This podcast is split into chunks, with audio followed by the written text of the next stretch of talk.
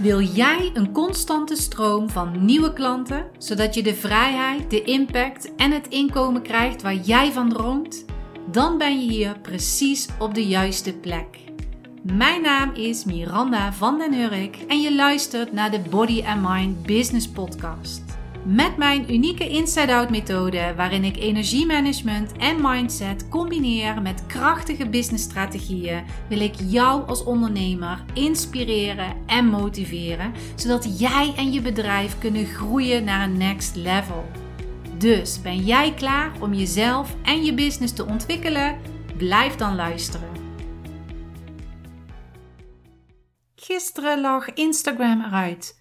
Mijn Instagram-account lag eruit.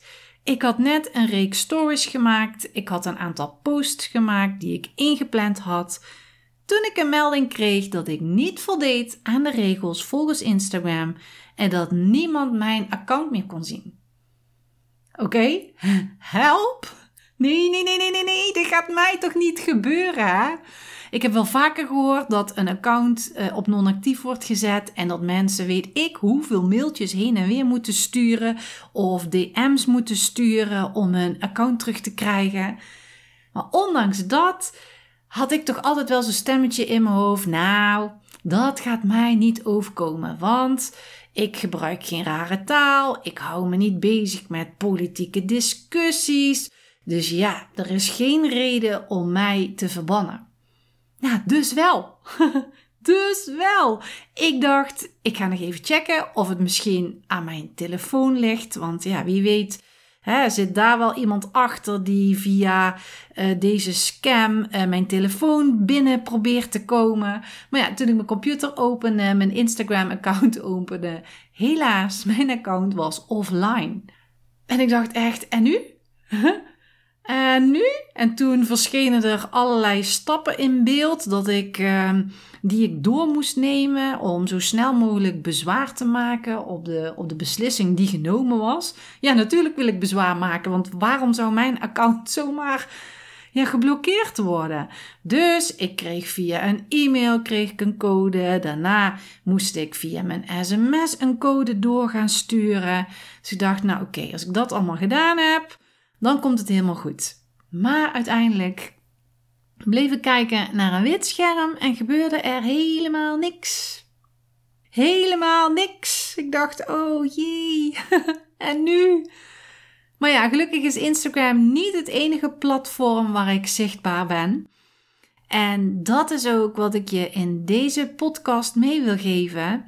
Zorg ervoor dat je op verschillende manieren zichtbaar bent.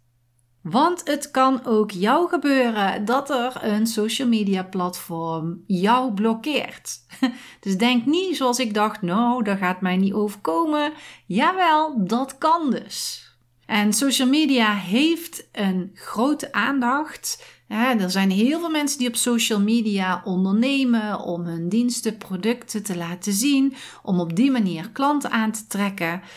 Klanten zijn ook vaak op social media, scrollen ook heel veel door op social media. Dus ja, het is een heel mooi platform om potentiële klanten te bereiken. Maar net als bij mij, Instagram is niet het enige platform. Ik bedoel, er is nog TikTok, je hebt Facebook, er is LinkedIn, Pinterest. Je kan voor één social media platform kiezen, maar ik zou je aanraden om in ieder geval twee social media platforms te hebben. En het is wel belangrijk dat je er wel feeling mee hebt. Je kunt wel een social media platform uitkiezen en je denkt, nou weet je, ik vind helemaal niks om hier aanwezig te zijn. Maar ja, ik moet er twee hebben, want stel je voor dat er één account geblokkeerd wordt. Nou, dan heb ik in ieder geval nog deze. Dat is niet de goede reden. Je moet er wel echt wel feeling voor hebben. Je moet er wel een prettig gevoel bij hebben. En het is belangrijk dat je gaat kijken waar zitten jouw potentiële klanten. Kijk, als jij denkt, nou, Facebook, ik ga uh, me zichtbaar maken op Facebook en geen enkele klant van jou zit op Facebook, dan is Facebook niet de, het slimste platform om te kiezen. Dus ga wel kijken, waar zitten mijn potentiële klanten? Doe daar onderzoek naar. En als je dus twee platforms hebt en eentje wordt geblokkeerd, dan heb je dus altijd nog het andere account op je andere kanaal. En daar zou je dus altijd kunnen zeggen: Hey help, dat en dat kanaal is geblokkeerd. Mocht je me daar volgen, ik heb een nieuw account aangemaakt, volg me nu op het nieuwe account. Dus dat is het eerste wat ik je wil aanraden. En het tweede wat ik je wil aanraden is: probeer je content ook op een andere manier te delen. En ik ga je nu drie manieren geven die ik meer beschouw als grotere content.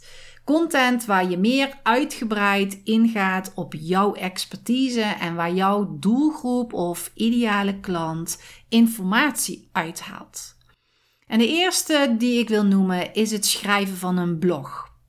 En een blog die zet je meestal op je website, dus mensen kunnen op jouw website allerlei onderwerpen lezen over hè, wat, wat, wat jij in jouw werk doet of wat jij tegenkomt enzovoorts. Je kan natuurlijk ook gastbloggen, zodat nieuwe mensen, dus de mensen die van jouw gast of waar jij gast bent, ook jou leren kennen. En dan kan je weer nieuwe mensen aantrekken. Maar meestal staat je blog op je website.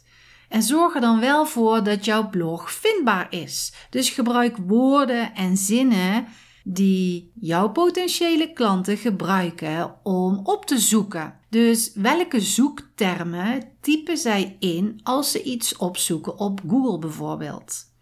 stel je bent een afslankcoach die zich richt op koolhydraatarm eten. Nou, welke woorden of welke zinnen zoeken jouw klanten dan op? Bijvoorbeeld koolhydraatarm eten, koolhydraatarme recepten. Misschien zoeken ze daar wel op. Of hoe werkt een koolhydraatarm dieet? Het is dus heel belangrijk dat je weet wie jouw doelgroep is of wie jouw ideale klant is. Want als je dat weet, dan weet je ook welke taal zij spreken. En dan weet je dus ook welke woorden jij moet gebruiken in jouw blog, zodat je beter vindbaar wordt. Dus wanneer mensen dan bijvoorbeeld hoe werkt een koolhydraatarm dieet intoetsen, dat jouw blog bijvoorbeeld in de search engine tevoorschijn komt en dat ze jouw blog gaan lezen. Dat ze dus op jouw website terechtkomen en dat ze dus ook verder gaan lezen van hey, wie is dit? Uh, dit is een leuk blog, daar kan ik wat dingen uithalen. Misschien is het wel leuk om deze persoon te volgen. Mocht je nou schrijven echt helemaal niks vinden, dan zou je dus ook kunnen podcasten. En dit is dus de tweede vorm van grotere content. En je kan een eigen podcast opnemen, maar je kan ook weer, net als met het bloggen, samen met andere mensen een podcast opnemen. Zo komen er ook weer nieuwe mensen, leren jou weer kennen en komen ook weer bij jou terecht. En je plaatst je podcast via een podcast provider, zodat mensen op verschillende platforms jouw podcast kunnen beluisteren. Bijvoorbeeld Spotify, eh, Apple Podcast of Google Podcast. Nou, zo zijn er nog wel wat meer platforms. Maar je kan dus ook je podcast op je website zetten. Dus wanneer mensen op jouw website komen en je hebt daar de podcast staan, dat mensen dus daarop kunnen klikken en meteen ook een podcast van jou kunnen luisteren. Hou je niet van schrijven en vind je een podcast ook helemaal niks? Nou, dan kan je dus altijd nog een video opnemen en deze op YouTube plaatsen. En dit is dus de derde manier om grotere content te delen. En YouTube is een grote zoekmachine. En heel veel mensen maken gebruik van YouTube. Het voordeel van een video op YouTube is dat er jaren later alsnog naar je video gekeken kan worden. Het is niet zoals op social media dat je, uh, dat je een video plaatst en dat die een paar dagen, als je dat al haalt, te zien is en dat die dan op de achtergrond verdwijnt. Doordat er vaak op zoekwoorden gezocht wordt uh, in, in YouTube, kan het dus zijn dat een hele oude video van jou alsnog gekeken wordt. En wie weet haal je daar dus een klant uit of heb je er een nieuwe volger bij.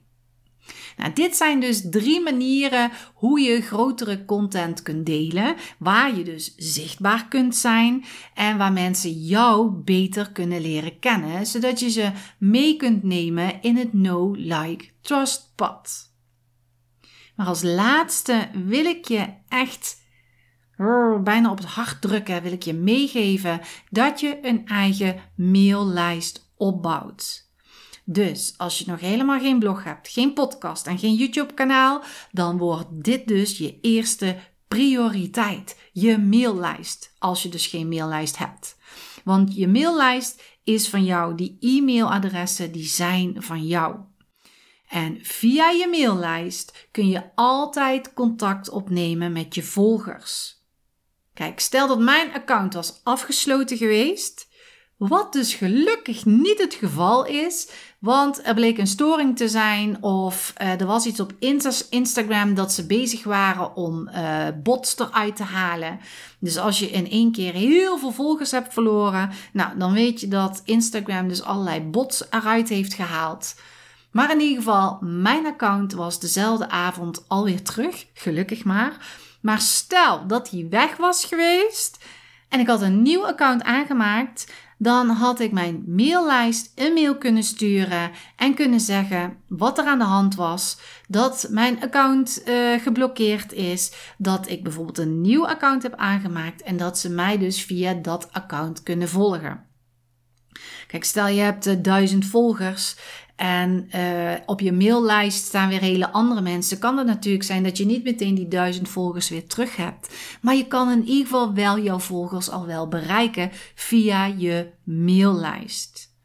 Dus voor mij was het echt een besefmomentje dat het dus echt kan dat je je account kwijt kunt zijn.